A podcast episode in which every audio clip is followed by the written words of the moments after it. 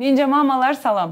Bu dəfəki podkastım çox fərqlidir. Çünki bu dəfə bir yox, iki qonağım var və imitasiya yoxdur. Öz qaynanam və eyni zamanda qonağım psixoloq bir xanımdır. Çoxlarınızın da sevərək izlədiyiniz. Və bu dəfə ilk dəfədir ki, podkastda sualları mən yox, birbaşa olaraq sizlər verirsiniz. Ona görə də əlimdə telefon var və sizlərin verdiyiniz suallar üzərindən bir qaynana mövqeyi, iki bunun altında yatan travmalar əsasən də psixoloq mövqeyini qulaq asacağıq bu gün, dinləyəcəyik. Odur ki, uzatmadan keçirəm qonaqlarıma. Xoş gəlmisiniz. Özünüzü təqdim edin zəhmət olmasa, daha sonra suallarıma mən başlayım. Mən Günel Xəlilova, psixoloq, psixoterapevt. Birinci salamlayıram. Səfərova Esmira, Həvvə xanımın qaynanası. Tamam. Suallarımı belə verəcəm ki, ilk öncə sizə sualımı ünvanlayacağam. Daha sonrasında isə onun altında yatan travmaları sizlə birlikdə istəyəcəm ki, müzakirə edək. Esmira xanım, qızınız var və belə bir sual gəlib ki, eyni səhvi qızı edəndə bağışlayan qaynana gəlin edəndə ailəmə səs salır. Bunun səbəbi nədir?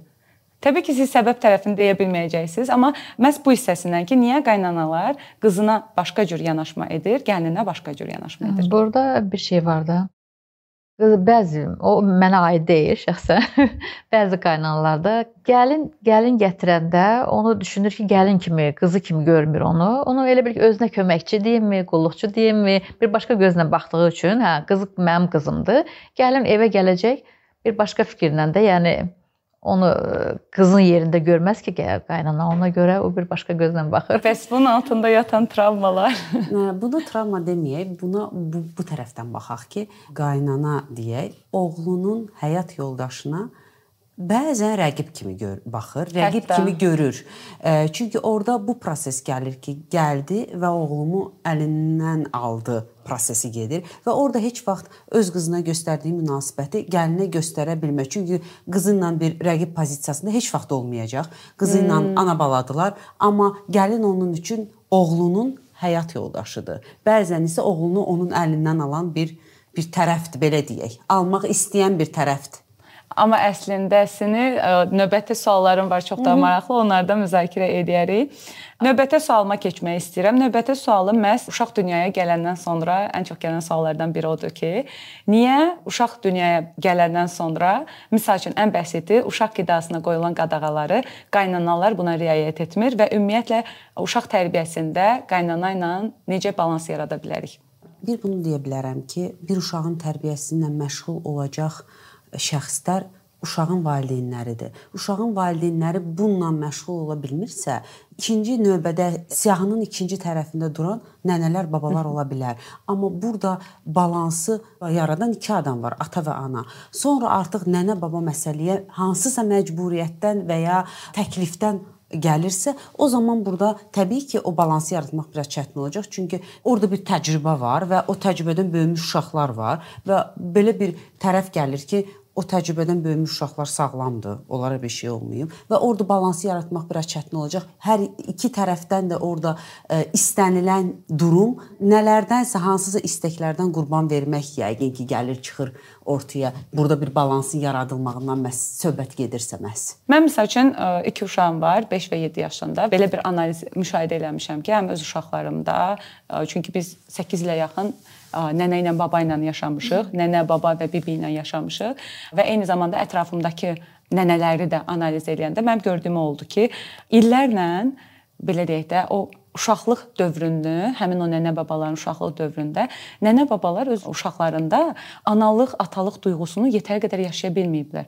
Və indi o vaxtları var. Məsəl üçün ən bəsitdə indi öz həyatıma baxsam, mənim də ona zamanım yoxdur. Məsəl üçün mən bütün günümü ayıra bilmirəm. 3-4 saatımı maksimum ən yaxşı halda 3-4 saatımı ayıra bilirəm. Və mənə elə gəlir ki, onlar o öz balasının balasıdır deyə, öz balasında dada bilmədiyi uşaqlığı nəvələrdən dadır deyə. Ona görə bəzən olur ki, məsəl üçün anaya, ataya düşmən kəsiləcək mövqedə belə olur. Yəni sərt, sərt mövqedə, kəskin mövqedə mən daha yaxşı bilirəm. Çünki öz uşağında onu yaşaya bilməyib. Yəni belə deyim də, ən yaxşı halda o da öz uşaqlığında məsəl üçün nənə baba tərəfindən qısıtlanıbdı uşağının tərbiyəsi üçün. Yəni mənim elədiyim analizdə məsəl üçün mən bunu görmüşdüm ki, yaşaya bilmədiyi analığını, yaşaya bilmədiyi atalığını məhz öz nəvələrində yaşayırlar. Çünki heç də hər kəs e, cəsarətli ola bilməz o yaşda yenidən ana olmağa və yaxud da ki, o yaşda yenidən ana olan, ata olan tanışlarım da var görürəm ki, çox daha başqa nənə mövqeyindədirlər. Hı -hı. Yəni çox tanış belə nənə mövqeyinə girirlər və uca başa düşürsən ki, okey, burada bir yaşanmamışlıq var.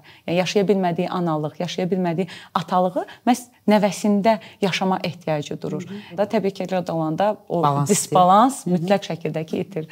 Bizdə özümüzdən danışaq da.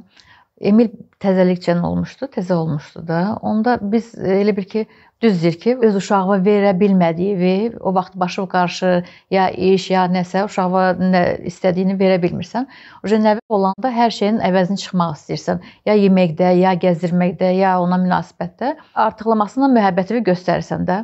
Onda da anada da qısqanclıq olur ki, hə, mənə gəlib çatmadı. Bizdə məsəl üçün belə bir şey olmuşdu ki, Emil balaca idi. Emil gecələr ağlayanda düşürdük sıraz hamımız ki, baba bir tərəfdən, "A ver mən baxım, bəlkə mənim qucağımda sakitləşər." Və Oo, mən deyirdim, mən baxım. Nə idi? Mən belə BBC bir tərəfdən, mən, mən baxıram da BBC bir tərəfdən, hə, düşürdük uşağın üstünə. Onda gəlinim qalırdı ki, ağlayır. Daha bir dəfə bir dəfə istəyək ağlamışdım ki, hə. mənim uşağımdır. Deyirdi ki, bəs siz mənə imkan vermirsiniz ki, mən baxım, mən qucaqlayım da, mən baxım. Hə, onda mən dedim ki, mən bilməzdim ki, bu bu qədər sizə tə, sənə təsir eləyər. Yəni ki, bu qədər sevgi, bu bir sevgi ilə yanaşırıq da. Uşağa o qədər sevgi verir, hərimiz bir tərəfdən sevgi ilə yanaşırıq deyəndə Həvva xanım da şey olmuşdu. Narahat olmuşdu ki, yəni uşağı əlimdən götürən kimi, yəni mənimsəyən kimi biz uca götürürük. Bunun payı yoxdur da, qıraqda qalan. Eynən. Yəni mən onda məsəl üçün ilk dəfə yəni, orada bir yetərsizlik duyğusu yes, analarda mütləq olur. Qadın üçün bu elə bir ki, bir təzəlikcən elə bir bu hissdə bir ə, travma, travma kimi idi ki, hə. baxırsan ki, səndən başqa hamı qaçır uşağa hə. və bu səni şey eləyir. E, zaten sən yetər qədər özgüvənsizsən, çünki təzə doğuş eləmisən, bütün bədənin deformasiyaya uğrayıbdı uşağı başa düşməyə çalışırsan ki, niyə ağlayır, necə ağlayır. Üzərinə gələn çoxlu şeylər ki, mən baxım, mən baxım, mən baxım, sən həmin an yəni, düşünə bilmirsən. Qayğının fazlası. Eynən, aşırı qayğı, eynən. Aşırı qayğının özü də bir yerdə baxırsan ki, səni boğur. Yəni bu sənin üçün çoxdur. Yəni və artıq sən orada qayğı görmürsən. Sən belə başa düşsən ki, sən uşağı sən əlinə almaq istəyirlər. Və mən orada partlamışdım çünki mən birinci oğlumda problemli doğuş keçirmişdim deyə zaten uşağımı düzgün ala bilmirdim qucağıma, ağrılarım və s. Üstünə də bu gələndə belə ani bir o emosional partlayış yaşadım və mən belə bir insanam ki, hisslərimi gizlədən deyiləm. Yəni məsəl üçün adətən necə eləyirlər? Qaynanaya demir, gedir oğlunu doldurur ki, bax görsən anam belə elədi, anan elədi, belə oldu, elə oldu və s. E ortada bir diskommunikasiya yaranır. Bizdə amma heç vaxt elə olmayıb deyə. E üzlərinə qarşı dedim ki, bəs mənim uşağım, mənim uşağımdır, mən baxmaq istəyirəm. Və orada məsəl üçün ilk dəfə, zaten ilk və son dəfə idi bizim hə, bizim orada danışığımız, da, danışığımız və müzakirə, münaqişə deməyim də, o münaqişə belə deyil. Çünki mən isterika elədim. Qaynanam da dedi ki, mən belə düşünmürdüm. Ya mən bilmirdim ki, bu sənə belə təsir edir də. E onda mən başa düşdüm ki, okey də, yəni bu necə ağrılı bir şeydir ki, sən əslində heç kim uşağı əlindən almır, amma həm də uşağı əlindən alırlar kimi bir şey görürsən də ki, çünki sən emosional boşluqdasan zaten həmin dövrdə. Növbəti suala keçmək istəyirəm. Niyə bəzi qaynanalar qızının qazana bilmədiyi uğurların gəlinin qazanmasını qaldıra bilmir? Bu təkcə qaynana gəlin münasibətlərində yox, bu digər münasibətlərdə də baş verə bilər. Çünki orada bir paxıllıq hissi, paxıllıq sözü biraz bizim dildə çox fərqli səslənsə də, amma paxıllıq sözünün altında bir heyranlıq və həsəd sözü var. Hı -hı. Yəni bir həsəd gəlir ortalığa, Hı -hı. bir heyranlıq gəlir. Yəni heyranlığı hiss eləmir ki, əslində heyranam deyə ki, bu bunu eləyə bilmir, eləyə bilir, amma qızım, oğlum, filan kəs bunu eləyə bilmir və onun üzərinə bir ə, həsəd hissi gəlir. Həsəd həsədin də bir artıq sonrakı etapı paxıllıq hissidir və orada təbii ki, insanıq və insan olaraq bədənimizdə o proseslərə, o mexanizma e, bəzən sahib ola bilmirik, bəzən onu idarə edə bilmirik. O zaman ona görə də burada bir qaldırılmamaqlıq hissi çıxır ortaya. Burdan çox maraqlı bir mövqeyə sual verəcəm ki, Əsmər xala, məsəl üçün Siz hər zaman deyirsiniz ki, mən təhsil arzum ürəyimdə qaldı və istədiyiniz sahəyə gedə bilmədiniz və üzərinə də bu gün ümumi ortalama olaraq götürsək, məsəl üçün baldızımla mənim aramdakı bu məs uğur baxımından nəzərdə tutulan fərqdə mən bunu sizdə heç vaxt hiss eləməmişəm. Əksinə mənə hər zaman mən bunu bloqumda da deyirəm ki, ən çox dəstək aldığım insan siz olmusunuz. Və ona görə də dolayısıyla auditoriyadan belə çox maraqlı sual gəlib ki, heçmi paxıllığı çəkməyib, heçmi qızı ilə müqayisə etməyibdi belə proseslər zamanı. Bir söz deyim də, hər bir xasiyyətdə insanlar müxtəlif olduğu kimi xasiyyətlər müxtəlifdir. İnsanlar da həyatı da, taleləri də müxtəlifdir də. İndi biri ola bilər ki, məsəl üçün bir üçün bir bir balaca bir şey, onun üçün həsəd, paxıllıq ya əl çatmaz bir şey olarsa, birisi üçün əl çatan, yəni əl çatmasa da onun üçün paxıllıq kimi bir şey deyil də. Yəni onun vecinə olmur bir şey. Mənim də heç vaxt ağlıma gəlməyib ki, yəni mənim əlim çatmayan şeyləri nəyisə kimdəsə görəndə ay bunu yəni məndə də olaydı ya belə bir paxıllıq kimi məndə. Özüm eləyə bilməmişəm ki, eləyə bilmədim deyənə, oxuya bilmədim deyənə həmişə demişəm ki, qabağımda Həvvanı görmüşəm ki, məsəl üçün də nə qədər çalışır, eləyir. Dəstək olum ona, nə lazımdır köməyini eləyim. Yəni ki, qabağa gedəcəksə bunun arxasında durum da. Yəni ki, o içəridən bir adamın proses heyranlıq etapında biz, qalır, hə? hə? Məndə heç vaxt bir şey olmayıb. Çünki yəni, məsəl üçün əksinə məndə daha çox yoldaşım mane olmağa çalışanda belə qaynanam ona şey eləyib ki, yəni sən kimsən? Yəni icazə ver eləsin. Yəni onun ürəyində olan bir şey, eləyəcəyi bir şey mən onun manesini qabağında duraraq mane olmaq istəməmişəm. Gedəcəksə qoy getsin. Əgər alınacaqsa nə yaxşı. Alınmayacaqsa o özü başa düşəcək ki, hə alınmadı. Yəni mən onun qabağında bir maneə kimi bir şey istəməmişəm ki, mən olum, ya oğlum olsun.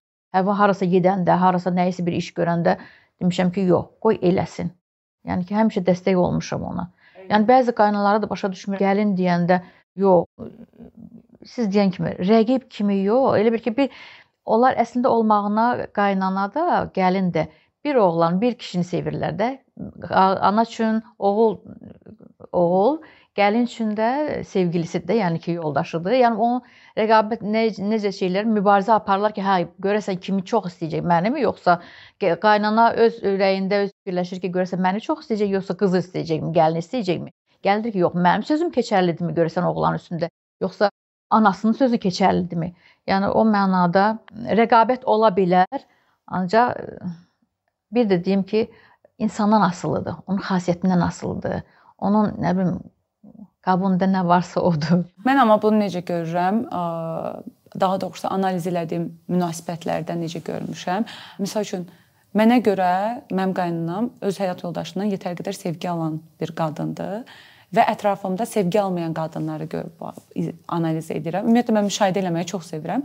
Özəlliklə də daha keçmiş nəsli və mənim gördüyüm odur ki, müşahidələrimə əsasən öz həyat yoldaşlarından həyat yoldaşı sevgisini alan insanlar oğullarına takıntılı qalmırlar. Öz həyat yoldaşından o sevgini almayan insanlar, öz həyat yoldaşında o balansı görməyən insanlar oğlunu oğul kimi sevmir, sevgili kimi sevir. İstəyir ki, onun qayğısına qalsın, çünki o həyat yoldaşında görməyib o qayğını. İstəyir ki, ona hədiyyələr alsın, çünki o həyat yoldaşında onu görməyib. Yəni o ər nəvazişi, həyat yoldaşı nəvazişini bir növ öz oğlunun üzərinə yük kimi yükülür. Ya mənə görə məsəl üçün mənim gördüyüm baxış açısına görə daha çox burada artıq necə deyirlər, qaynanalar öz mövqeyini kəskin göstərməyə başlayır. Çünki o artıq onu rəqib sevgilisinə rəqib kimi görür. Çünki bu sağlam biz necə bu sağlam rəqabət deyil əslində. Çünki sevgili mövqeyindən yanaşır oğluna, oğul mövqeyindən yox. Məsələn, mən qaynanamın da incidiyi şeylər olubdu. Tutaq ki, Nazim evə gəlir, evdə gəlirsə və onunla görüşmürsə, hə inciyir buna. Yəni bu tamam başqa mövqeyidir. Bu sevgi mövqeyidir ki, sən mənə sevgisiz, sən mənə sevgini azaltmısan. Bu başqa mövqe. Bir də var ki, məsəl üçün sən yoldaşından yeməyə getdin, amma mənlə yeməyə get. Bu artıq sevgili mövqeyidir və Bəli. məsəl üçün mən bunu daha çox müşahidə etmişəm ki, məsəl üçün mən qaynanam o cəhətdən qaynatamdan sevgi alan qadın olduğu üçün ən azından mən elə gördüyüm üçün kənardan bu illər ərzində biz 15 ildir yoldaşımla münasibətdəyik. Bu illər ərzində gördüyüm odur ki, qaynanamın o o axtarışa ehtiyacı olmayıbdı və ona görə də məsəl üçün oğlunda o mövqelənməsi olmayıb ki, oğluna sevgili kimi baxmır. Yəni məncə burada da bir ə, disbalans var. Bəli. Və orada ə, təkcə disbalans yox, o o qadın ki, o ə, həsrətlə gözləyir ki, həyat yoldaşımdan nəsə, nəsə və bunu gözlədikcə böyütdüyü uşağa daha meylini salır, daha çox bağlanır, daha çox göbək bağını orada qalınlaşdırır Hı -hı. və orada bu o uşaq böyüyüb artıq onun həyatına başqa bir qadın girən anda o qadının həyatında bədəndə bir qısqanclıq duyğusu yaranır ki, bəs mən mən qalmaq. Mən Eyni. bütün sevgimi vermişdim ki, nə vaxtsa oradan da geri dönüş yes, olacaq. Qurban modelinə girmək, qurban roluna girmək və ən çox edilən, yəni bugünkü günümdə mənim gördüyümdə real hadisələrdən ətrafımda gördüyüm odur ki, qaynanaların məs oğullarına etdiyi təzyiq və manipulyasiyalar elə sualım da tam da bu istiqamətdəndir. Bir hekayə var. Salam. Mənim qaynanam baldızlarımın uşaqlarına baxır səhərdən axşama kimi, növbəli gəlib gedirlər. 5 uşaq. Mənim qızım körpədir, narahat olur. Qaynanaya irad bildirəndə məni evindən qovdu ki, xoşundur döz otur, xoşun deyil, özün bilərsən. Çıxdım mamamgilə getdim. Sonra yoldaşımla barışdıq, yenidən qayıtdım və daha betər dava ilə yenə anamgilə qayıtdım və mən yoldaşıma deyirəm ki, ya biz ayrı evə çıxaq. Bu mövzuya ayrıca toxunacağam. Ayrı evə 8 ildən sonra çıxan bir insan olaraq ya ayrı evə çıxaq ya da ki mən qayıtmıram və ata atasını da təzə itirdiyi üçün yoldaşım deyir ki, mən anamı ata bilmərəm, atan deyiləm. Ona görə də ayrı evə çıxmırıq. Xoşundur, gəl belə, xoşun deyil, özün bilərsən, amma biz boşanmaq istəmirik və bir övladımız var. Nə tövsiyə edə bilərsiniz ki, ailəmizi qırmadan biz bunu bərpa edə bilək? Çox ağır və yüklü bir sualdır. Tövsiyə eləmədən nə danışacağımı fikirləşirəm Eynən. ki, məsləhətsiz nə deyə bilərəm. Eynən. Çünki burada hər iki tərəf indi qırılğan, qırılıb, Eynən. yəni hər iki tərəfin necəsə sərhədləri pozulub və burada prosesin ən başındakı olan olmayacaq addım bu idi ki, bir evdə yaşamaq. Çünki ailə içində ailə olmur. Ailə bu mənim qaynanamın illərdir dediyi, amma 8 ildir yoldaşıma qəbul elətdirmədiyi bir cümlədir. bu başqa ailədir, bu başqa ailədir. Nə qədər ki uşaqlar, yəni öz valideynləri ilə yaşayır, o zaman o ailənin üzvüdür. Artıq onlar evləndiyi andan etibarən o ailənin üzvü olmaqdan çıxırlar. Var valideyn, ailəsi var, hal-hazırda yaşadığın, qurduğun ailə var. Orda zaten o o proseslərin bir ə, e, artıq yolunda getməməyi başlayıb orada. Hı -hı. Və sən başqasının evində kiməsə deyə bilmərsən ki, bu uşaqlara baxma, onun nəvələridir Eyni. və bu əslində o xanımın evidir. Orda necə istəyirsə elə davrana bilər. Eyni. Bəli, orada hansısa sərhədlər pozulur, hansısa uşağın sərhədləri pozulur, orada hansısa bir səs-küy, e, səliqəsizlik bu tərəfə təsir eləyə bilər. Orada əgər həyat yoldaşı o xanımın öz mövqeyini göstərə bilmirsə, demək ki, ordadır Ordadır problem, ordadır onların arasındakı danışacaq durum. Orda qaynananın və gəlinin arasında deyil problem. Orda bu kişinin mövqeyindədir. Problem deməkdir, yəni sağlam Əsas, olmayan tərəf. Sağlam olmayan Əgər yəni. həqiqətən də bir kişi ailəsinin dağılmağına, dağılmağından bu qədər qorxmuş olsaydı, artıq o prosesi necəsə həll eləmiş olardı. Hı -hı. Demək ki, orada qorxmaqdan çox istəyir ki, iki qadın necəsə öz öz aralarında həll eləsinlər. Eynən, problemi özündən görməkdən Bəli. çox daha çox qarşı tərəfdəki yenə tipik gəlin qaynana davası Bəli. da özünüz həll edin. Özünüz həll edin. Bəli, Eynən. orada ə, kişi olaraq mövqeyini saxlayacaq tərəf var ki, o, o balansı yaratmağın yolu var. Əgər ə, kişi öz mövqeyini ə, göstərə bilmirsə, yəni bir həyat yoldaşı ilə o xanım özü ilə arasında özü iki, iki nəfərin problemidir. Bu burada üçüncü nəfərin problemi Eynən. yoxdur və e, bir də bunu deyim, bir kişi əgər valideyn ailəsindən çıxırsa, o valideynini atmır. Valideyn ailəsində qalırsa, orada daha böyük bir problemlərin ortaya çıxmağı baş verir və burada nə baş verir? Təkcə qaynana, gəlin, yəni bu sistem pozulmur. Həm də bilirsiniz hansı sistem pozulur? Hardakı orada uşaqlar böyüyür. Çünki o uşaqlar üçün bir ata obrazı yox, nənəmin, babamın oğlu obrazı çıxır ortalığa. Eynən, çox razıyam bu fikirlə.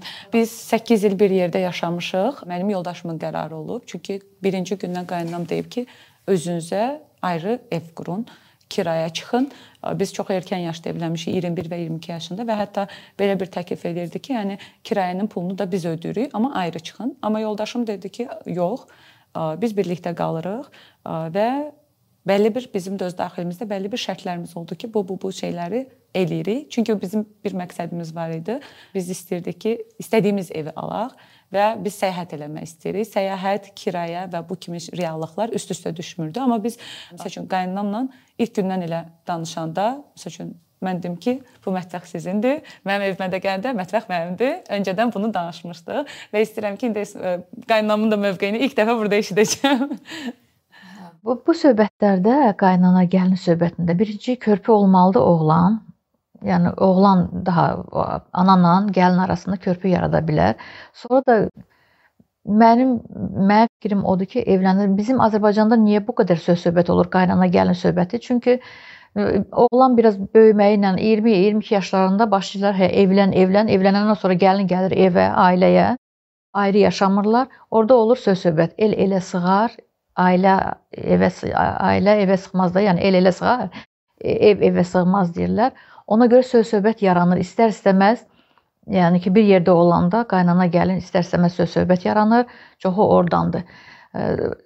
Mən də Həvva xanım dem demişkən evlənməmişdən qabaq da demişdim ki, harda yaşayacaqsınız, ayrı olmalıdır. Mən mən məsəl üçün istəməzdim ki, bir yerdə olsunlar. İstər-istəməz onların oğlanla, qızın, bəylə, gəlinin danışıqları indi də, yəni o bunların dalaşmaqları, valideyn eşidəndə istərsə, ana eşidərsə onların nəsə tərs gələn söhbətlərini, o istər-istəməz oje ananın ürəyinin qırılmağı olur. Yəni o bəzi şeylər var ki, ana, ata görməsə daha yaxşıdır. Onlar bir gündə danışa da bilərlər, barışa da bilərlər. Yəni bir yerdə olmasa daha yaxşıdır, ayrı evlərdə olsa yaxşıdır. Hə mən ona görə deyirəm də, yəni ayrı ev olsa daha yaxşıdır. Bir yerdə olanda istər-istəməz hə mənim evimdə çıx get deməklə olmur axı. Yəni mən mən deyirəm ki, yəni bir adam evlənirsə, vaxtında əlində pulu varsa, imkanı varsa, evi yoxdur da kirayədə ya harda, yəni tez evlənməyin, belə söz söhbətlərin olmaması üçün tez evlənməsi daha yaxşıdır. Biraz karyerasını qursun, Yəni bu fikirləşsin ki, mən sabahlar ailəmi saxlaya biləcəyim, ya evlənirəm, gəlini gətirirəm evə, sonra daha ata-anam baxmalıdır. Yəni onun alacağı o sabah uşağın dünyaya gəlməsi, hamısı problemlər istərsəmiz valideynin də üstünə düşərsə, o evdə söz-söhbət olur, gəlin də razı olmur.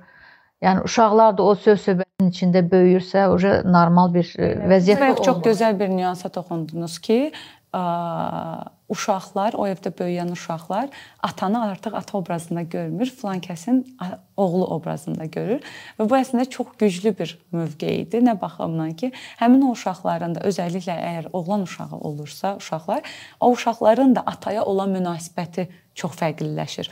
Çünki məsəl üçün biz 8 il bir evdə yaşamışıq və mən biz son 1 ildir ayrı evə çıxmışıq və mən uşaqların da ataya olan münasibətindəki fərqi görürəm. Hı -hı. Əvvəl məsəl üçün hər şeydə səncə baba necə deyər? idisə, Çünki avtoritet orada babadır, eynən, orada və babanı görürdüsə, bəli, indi babadır. deyir ki, ata nə deyər? O müddət ərzində fərqinə varmamışdım.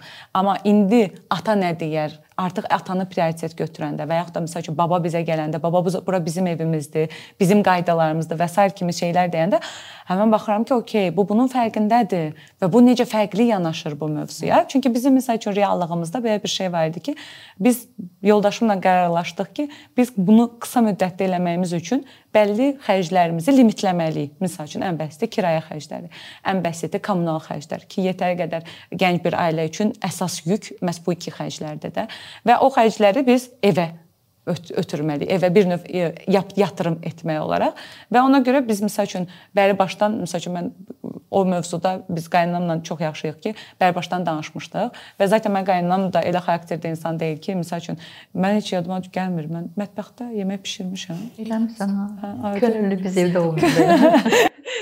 çox gözəldir, əl qabiliyyəti var, çox gözəl. Əlinin də duzu var. Çünki heç yadıma gəlmir. Ona görə bir anlıq belə sorğuladım ki, eləmişəm evdə. Həm məsəl üçün mən ümumiyyətlə mətbəxə girməmişəm. Və indi də məsəl üçün qaynanam bizə gələndə deyirəm, "Baha heç nə eləməyin ha. Onu eləməyin ha, bunu eləməyin ha, özüm eləyəcəm." Ya da ki, məsəl üçün bizdə qabyan var. Qaynanam heç qəbul eləmədiyi şeydir qabyan. və bir dəfə təsəvvür evə təzə köçmüşük və ləyənləri doldurub qab-qacaqla deyirəm və onda hələ mətbəximiz tam hazır deyildi. Umvanik falan quraşdırılmamışdı. Və deyirəm ki, Əsmər xanım, nə edirsiniz? Belə heç nə yoxdur, bir iki dənə qab-qadı. Qab yuyan dolu qab-qacaq var və deyir heç nə yox. Deyirəm, qoyun onları tez yerinə, yumayın onları. Onlar qab yuyan yeyəcək. E təzədən aparıb onları qab yuyana qoymaq və məncə bu belə deyim də bir növ öncədən danışıq əsasında. O bayaq dediyimiz nüans var idi ki, üçüncü tərəfə keçməmək. Yəni burada üçüncü tərəf oğlandır indiki кейsdə.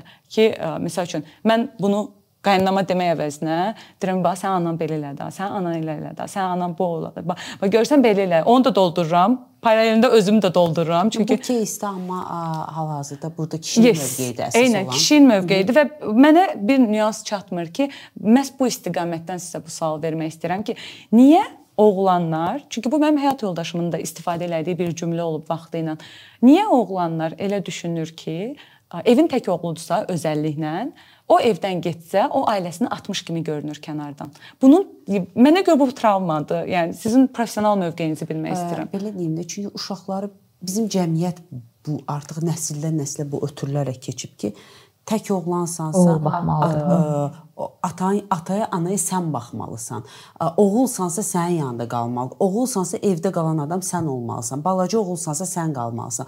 Bu artıq uşaqlıqdan doğulandan beynimizə yeridilib, hamı tərəfindən yeridilib. Bu gün çıxsaq 20 adamdan soruşsaq, onun 19-u eyni sözü deyəcək ki, ata-ananı qoyaq necə gedək? Amma bir qadın, bir qız böyüyürsə, o o evdən çıxmalıdır formasında böyüyürük. Amma bu formanın normal olan, yəni bir böyük olan tərəflər bu olmalıdır ki, hər iki tərəf bir bir ortaq bir ev qurmalıdır, yer qurmalıdır. Bu ortaq yer üçün də burdan bu valideyn ailəsindən çıxılmalıdır. Və burada belə bir şey də var. Analar oğlanlarını özlərinə bağımlı, bağımlı, yəni asılı böyüdürlər və və maraqlıdır. Belə deyim, qızlara bir tərəfdən bir azadlıq verir anaları ki, Əslində. Ə, əslində, yəni normalda görünən o deyil, amma yəni mən yanıma gələn insanlardan Eyni. bunu görürəm ki, oğlanların özlərinə daha çox, yəni o dayaq arxa böyüdürlər ki, anasını qoruyacaq, ana, ana bu formada böyüdülər və artıq 21, 22, 25 yaşına çatmış kişi fikirləşmir ki, mən böyük ailə qurmalıyam. Fikirləşir ki, atam, anamı necə atım? Ona görə də xanım gəlsin bura. O xanım gələndə də daha o e, belə bir şey olur. Ailə sistemi var və ailə sisteminə həqiqətən də xanım o ailə sisteminə daxil olur. Amma ailə sisteminə daxil olmaq o sistemin dağılmağı deyildi. O sistemin inkişaf edib çoxalmağıdır. Amma bizdə nə olur? O sistemi dağıtmaq üçün hər hərə öz əlindən gələni eləyir. Eynən çox razıyam bu fikirlə. Çox maraqlı bir növbəti sualım var ki, övladını tərbiyə etməyən ana necə övladını tərbiyə edəcək xanım istəyir və buna da ailə deyir. Çox maraqlı sualdır. Hmm. Bu sualı mən sizə verməyəcəm çünki məncə bu sualda sizə aid heç, heç nə yoxdur eynən. Ya bu biraz sərt çıxışdır.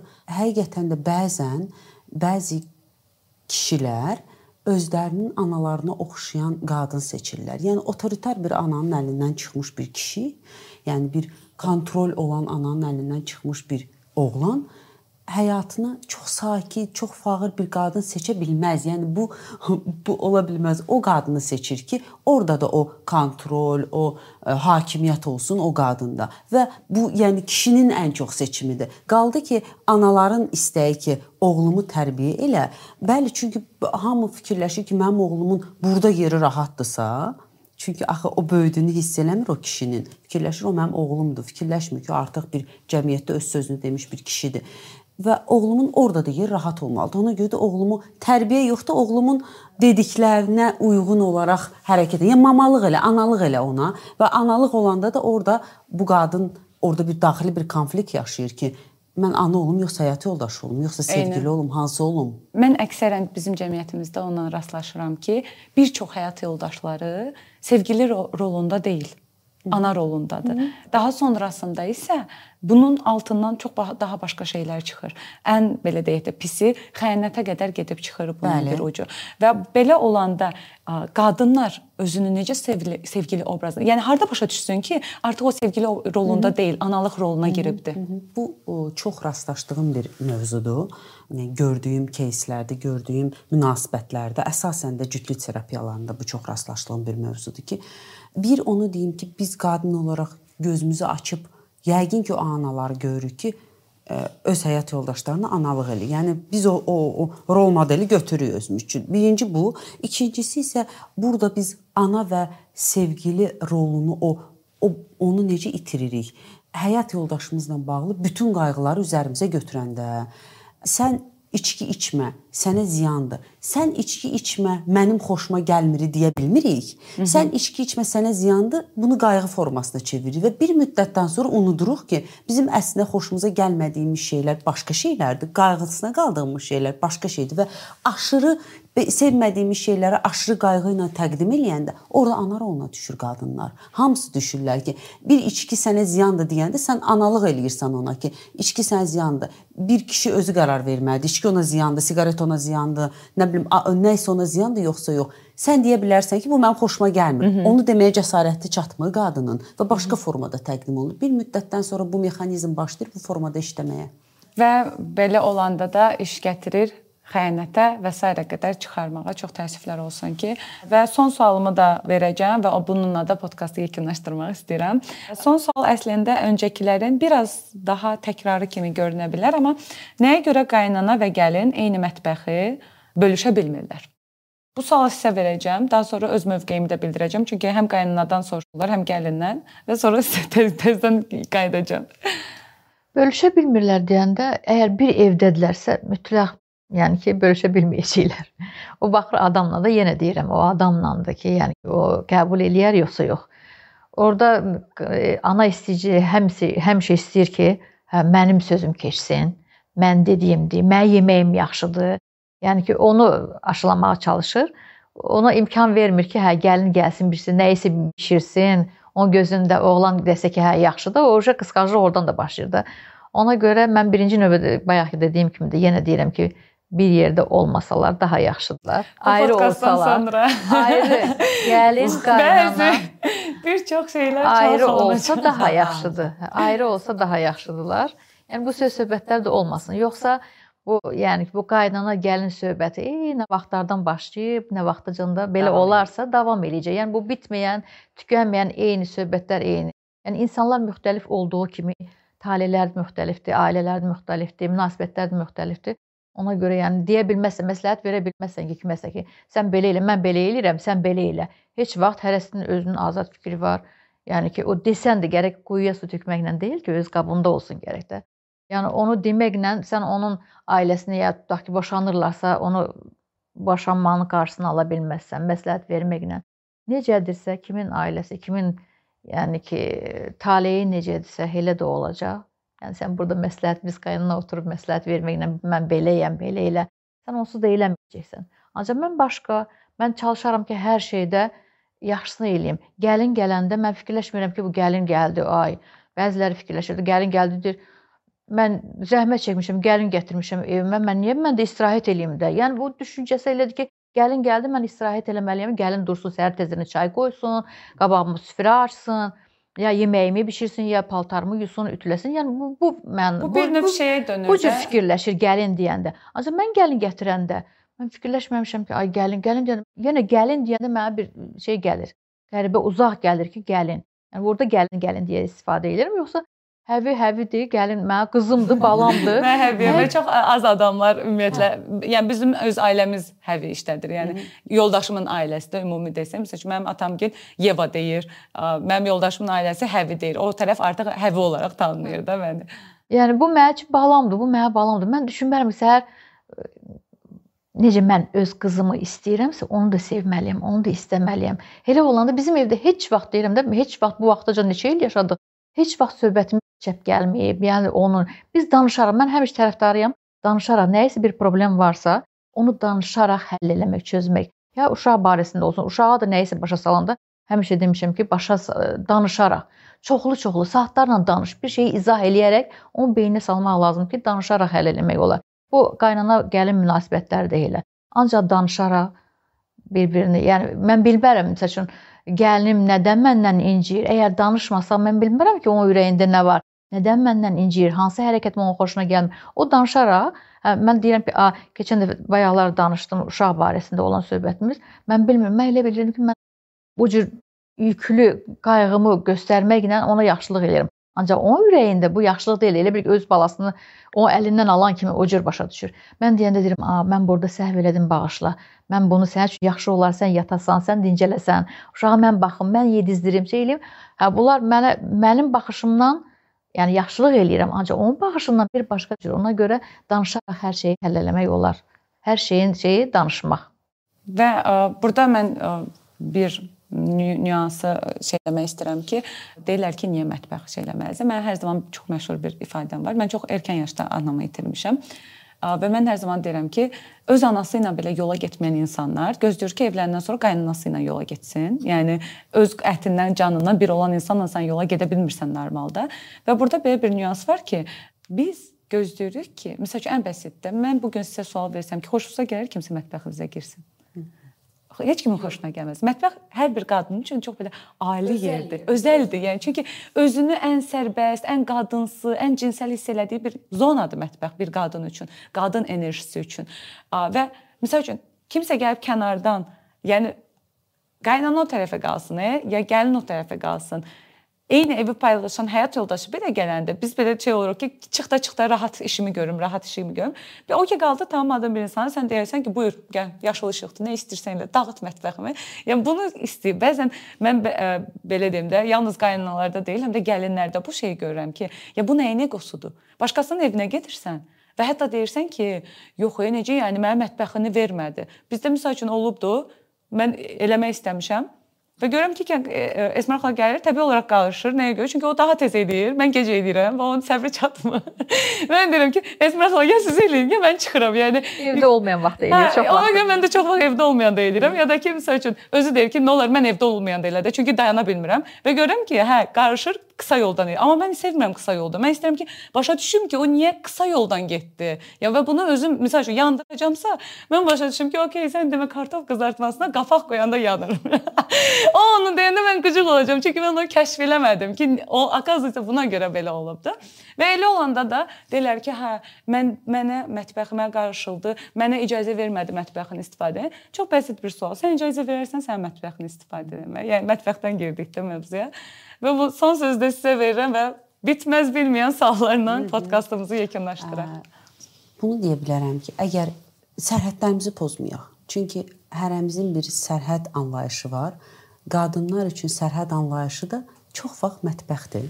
Hansı qadın ki, o mətbəxdə sevir vaxt keçirtməyi, zaman keçirtməyi, uşaqlarına yemək bişirməyi, ailəsinə süfrə düzəltməyi, nə bilim şirniyyat bişirməyi, o onun zonasıdır, o onun alanıdır. Ora girmək üçün mütləq icazə alınmalıdır və belə bir şey deyim. Bir təsəvvür edin ki, bir iş otağınız var və gəlib görürsüz ki, kimsə iş otağınızda Eynə. oturub siyirmənizi açır, ruçkavızla yazır, bloknotunuzu açıb vərəqləyir. Nə qədər sizə toxuna bilər? Eyni şeydir. Bir qadın çox qadın üçün, %90 qadın üçün mətbəx onun özəl alanıdır. Mətbəx onun üçün bir e, hisslərini, çünki Eyni. o hisslənəndə də yemək bişirə bilir, e, sevinəndə də yemək bişirə bilir, hisslənəndə də çay dəmləyir, nəsə eləyir, öz-özünə danışır. Bu sevinəndə də eləyir. Orda emosiyaları yaşanır qadın. Ora girmək üçün biraz bir-birimizin sərhədinə e, sərhəddi ilə bağlı sual verə bilər ki, bunu Eyni. eləyə bilər, eləyə bilmərik. Eynən, çünki bizdə ümumiyyətlə mənə görə ən çox nüans zaten məhz bu sərhədlərimizi tanımamaqdır. Yəni biz elə bilirik ki, məsəl üçün biz bir evə gediriksə, məsəl üçün indiki кейsdə deyim də, tutaq ki, bir yerdə yaşayırıqsa, həmin gəlinəm mənə yaşıl işıqdır ya da qaynana düşünür ki, mən burdaydım və mən beləyəm. Okay, elə olanda bizdə Mən nəyi müşahidə eləmişəm? Bizdə ə, müzakirə anlayışı yoxdur. Bizdə dava anlayışı var. Ən bəsit boşanmalara baxanda da heç kim, yəni mən tanımıram ətrafımda bir insan belə ki, adekvat boşana bilib normal münasibətləri saxlayır. İstəyir uşaqlısı olsun, istəyir uşaqsız olsun. Çünki sanki bizim sevgi dilimiz dava-dalaş dilidir. Yəni sevgi dilimiz belə formalaşıb. Və mən bunu necə görürəm? Bununla da fikrimi yekunlaşdırmaq istəyirəm. O qədər ki uşaqlıqda bastırılıb ki, bizim duyğularımız. Hə. O qədər ki bizim niyələrimizə cavablar verilməyib ki, o qədər ki bizə aqressiv bəsit sualı aqressiv geri dönüş almışıq. Biz elə bilirik ki, dalaşaraq həll eləməliyik. Məsəl üçün ən bəsiti avtobusda belə gedəndə ən bəsit nümunə verəcəm. Kimsə sənə deyə bilər ki, zəhmət olmasa biraz o tərəfə keçə bilərsən. Əvəzində belə-belə eləyir. Denəndə bunu, yəni bunu desən daha rahat olmazmı? Ya da bu daha mədəni obraz deyilmi? Nəinki belə eləmək.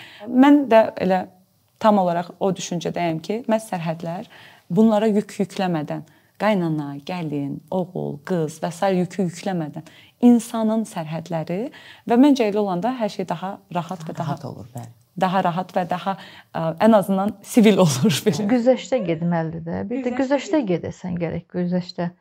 Yəni bir yerdə yaşayacaqsansa mütləq güzəştə getməlisən. Eynən, bir yerdə yaşayacaqsan. Həm də qaynanadan da çox şey asılıdır evdə.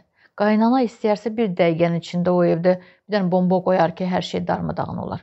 Ancaq elə şey də var ki, o qaynana elə sülh yaradar ki, o heç nə qaynatanın, nə yoldaş, oğlun xəbəri olmaz ki, o evdə nə oldu, olmadı. Evdə, yəni ki, qaynananın rolu çox böyükdür.